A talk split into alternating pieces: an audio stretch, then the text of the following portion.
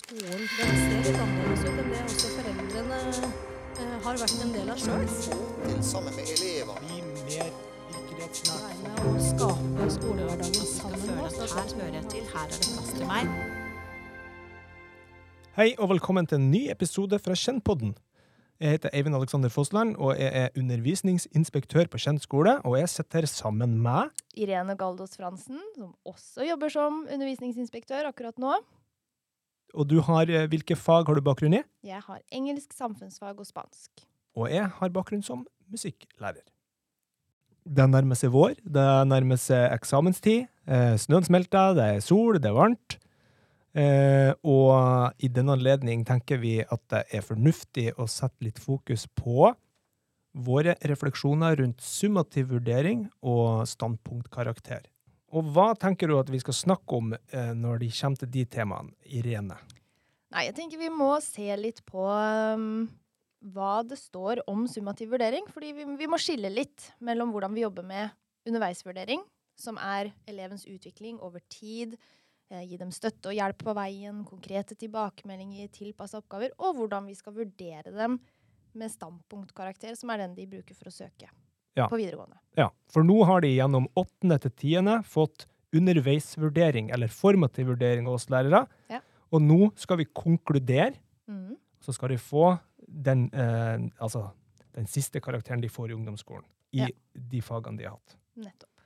Og måten vi skal gjøre det på, er jo å gjøre en helhetlig vurdering av elevens kompetanse, som vi har samla opp, eller observert, gjennom alle de her tre årene. Ja, og da, og da lurer man jo kanskje på hva er en helhetlig vurdering, eller en samla vurdering? Og svaret på det, ifølge UDIR i hvert fall, er jo at det er når lærerne løfter blikket fra ett og ett kompetansemål og ser dem i sammenheng. Mm. Det er da vi kan eh, snakke om en helhetlig vurdering. Mm. Og hvordan, hvordan kan vi gjøre det i praksis? Nei, hvis man, hvis man ser på eh, det som det står at det er grunnlaget for vurderingen man gjør, så står det at grunnlaget er kompetansemålene i faget.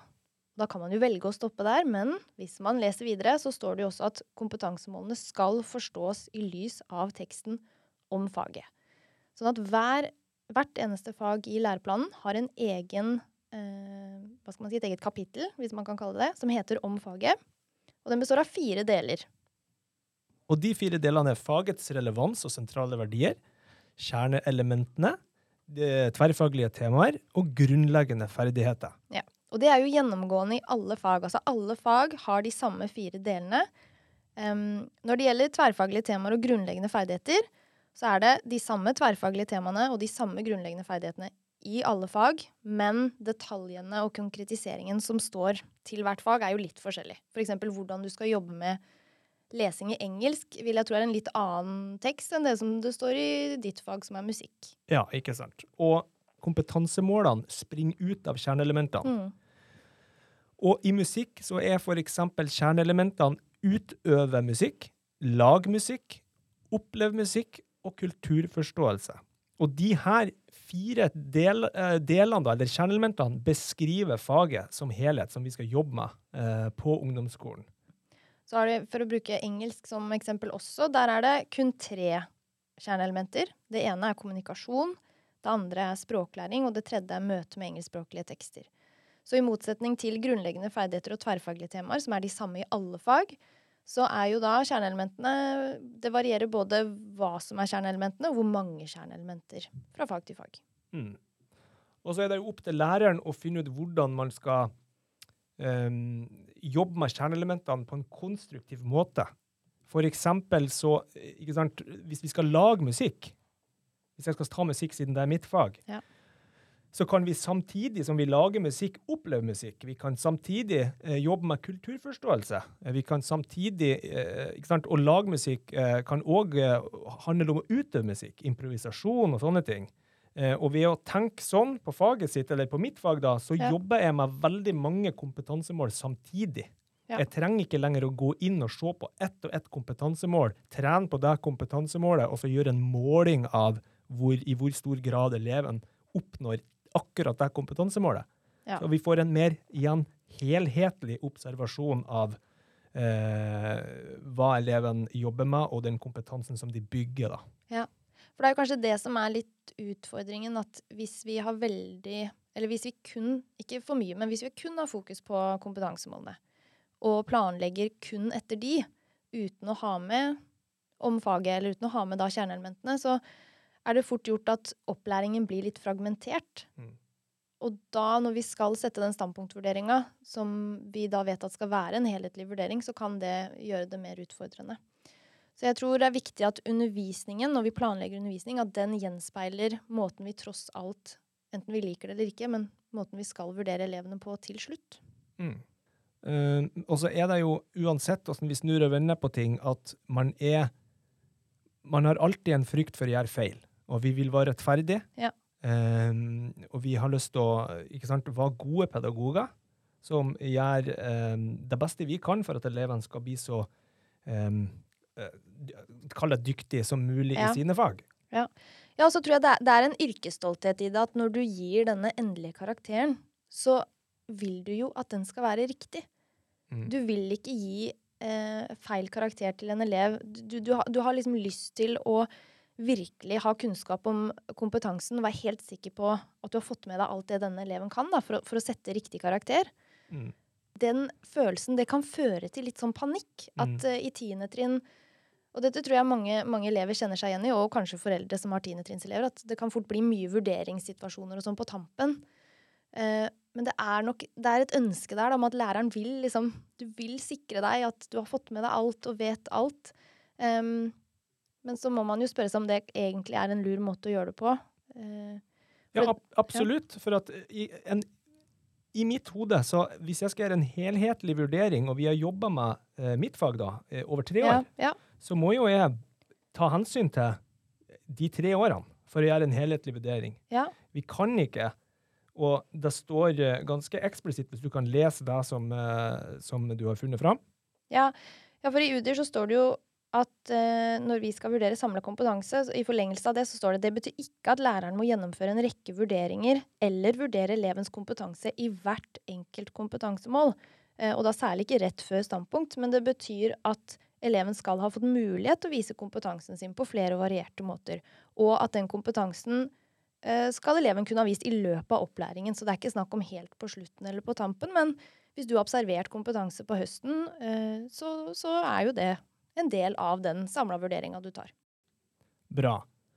Og så må vi huske på det at å vurdere elevene helhetlig handler ikke om å ha dokumentert eh, arbeid med hvert enkelt kompetansemål. Nei.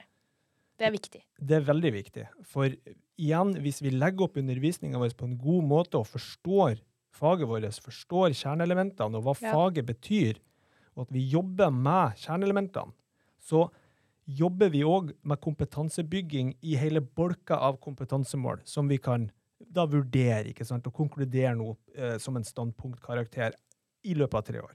Ja.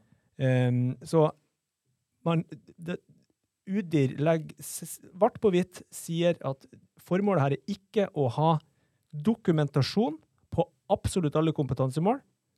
Um, og ved at vi jobber med kjerneelementene, Ja. hvis vi jobber med alle kjernelementene som faget beskriver, Ja. så jobber vi eksplisitt automatisk med alle kompetansemålene. Ja. Og da kan vi gjøre en helhetlig vurdering, ikke sant, og konkludere. Og det her handler jo egentlig i bunn og grunn om læreplanforståelse. Eh, For UDI skriver jo det jo at standpunktvurdering forutsetter god læreplanforståelse. Altså den forutsetter at, at lærerne skjønner hvordan de skal bruke alle disse. Ikke sant? Bruke om faget, bruke overordna del, bruke disse kjerneelementene. eh, Hvordan man skal bruke det inn både i planlegging av undervisning, gjennomføring, men også da vurdering og standpunkt til slutt. Mm.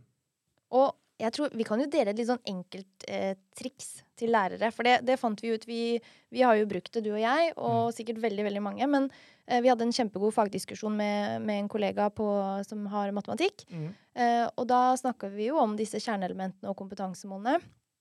Og da viste jo du og jeg em, hvordan eh, at vi istedenfor å gå rett på kompetansemål og bruke det som utgangspunkt for planlegging, og deretter på en måte sjekke hvilket kjerneelement det kompetansemålet passer til, så gikk vi heller på om faget-teksten, gikk inn på kjerneelementene, og så brukte vi eh, den, eh, den støtten til læreplanen som UDIR har på, på høyre side, og huka av kompetansemål. Mm. Og da får man jo opp alle kompetansemålene som er anbefalt eh, til de ulike kjerneelementene. Og bare noe så enkelt som det tenker jeg kan være um, ja, en, en god støtte da, og en god måte å starte å tenke litt mer den der helhetlige istedenfor ett og ett kompetansemål eller noen få litt sånn fragmentert. At man heller planlegger undervisning med utgangspunkt i kjerneelementene. Og så får man den betryggelsen hele tiden på at ja, men da jobber jeg med disse kompetansemålene også. Eller at de kan hjelpe deg i akkurat hva timene skal fylles med, eller hvilke vurderingssituasjoner som det kan være lurt å ha. da. Ja, veldig bra tips. Kjempebra tips. Og så vil vi jo presisere at det her er vår tolkning, og det her er våre tanker. Ja. Vi kan ikke snakke for alle, vi kan snakke for oss to, og så må vi òg erkjenne at det er altså, Eller vi erkjenner Ja. at det er forskjell på fag, og det her Ja. er lettere sagt enn gjort. Ja, for nå, vi må jo åpenbart eh, Vi kan ikke ta for oss hvert enkelt fag, det hadde blitt litt voldsomt, så vi generaliserer jo litt. Men det er jo, vi vet jo at det er noen fag som skiller seg ut, f.eks. matematikk, som har spesifikke kompetansemål knytta til 8., 9. og 10. trinn. Um, så, så det er jo mer en opp, altså dette er jo våre generelle tanker og en oppfordring til at uh, de ulike faglærerne kan, kan se nærmere på sitt fag med utgangspunkt i de tankene vi har, da. Eh, vi skal gå inn for landing, og, og um, vi, det kommer flere podkaster rundt vurderingens mystikk og mysterier.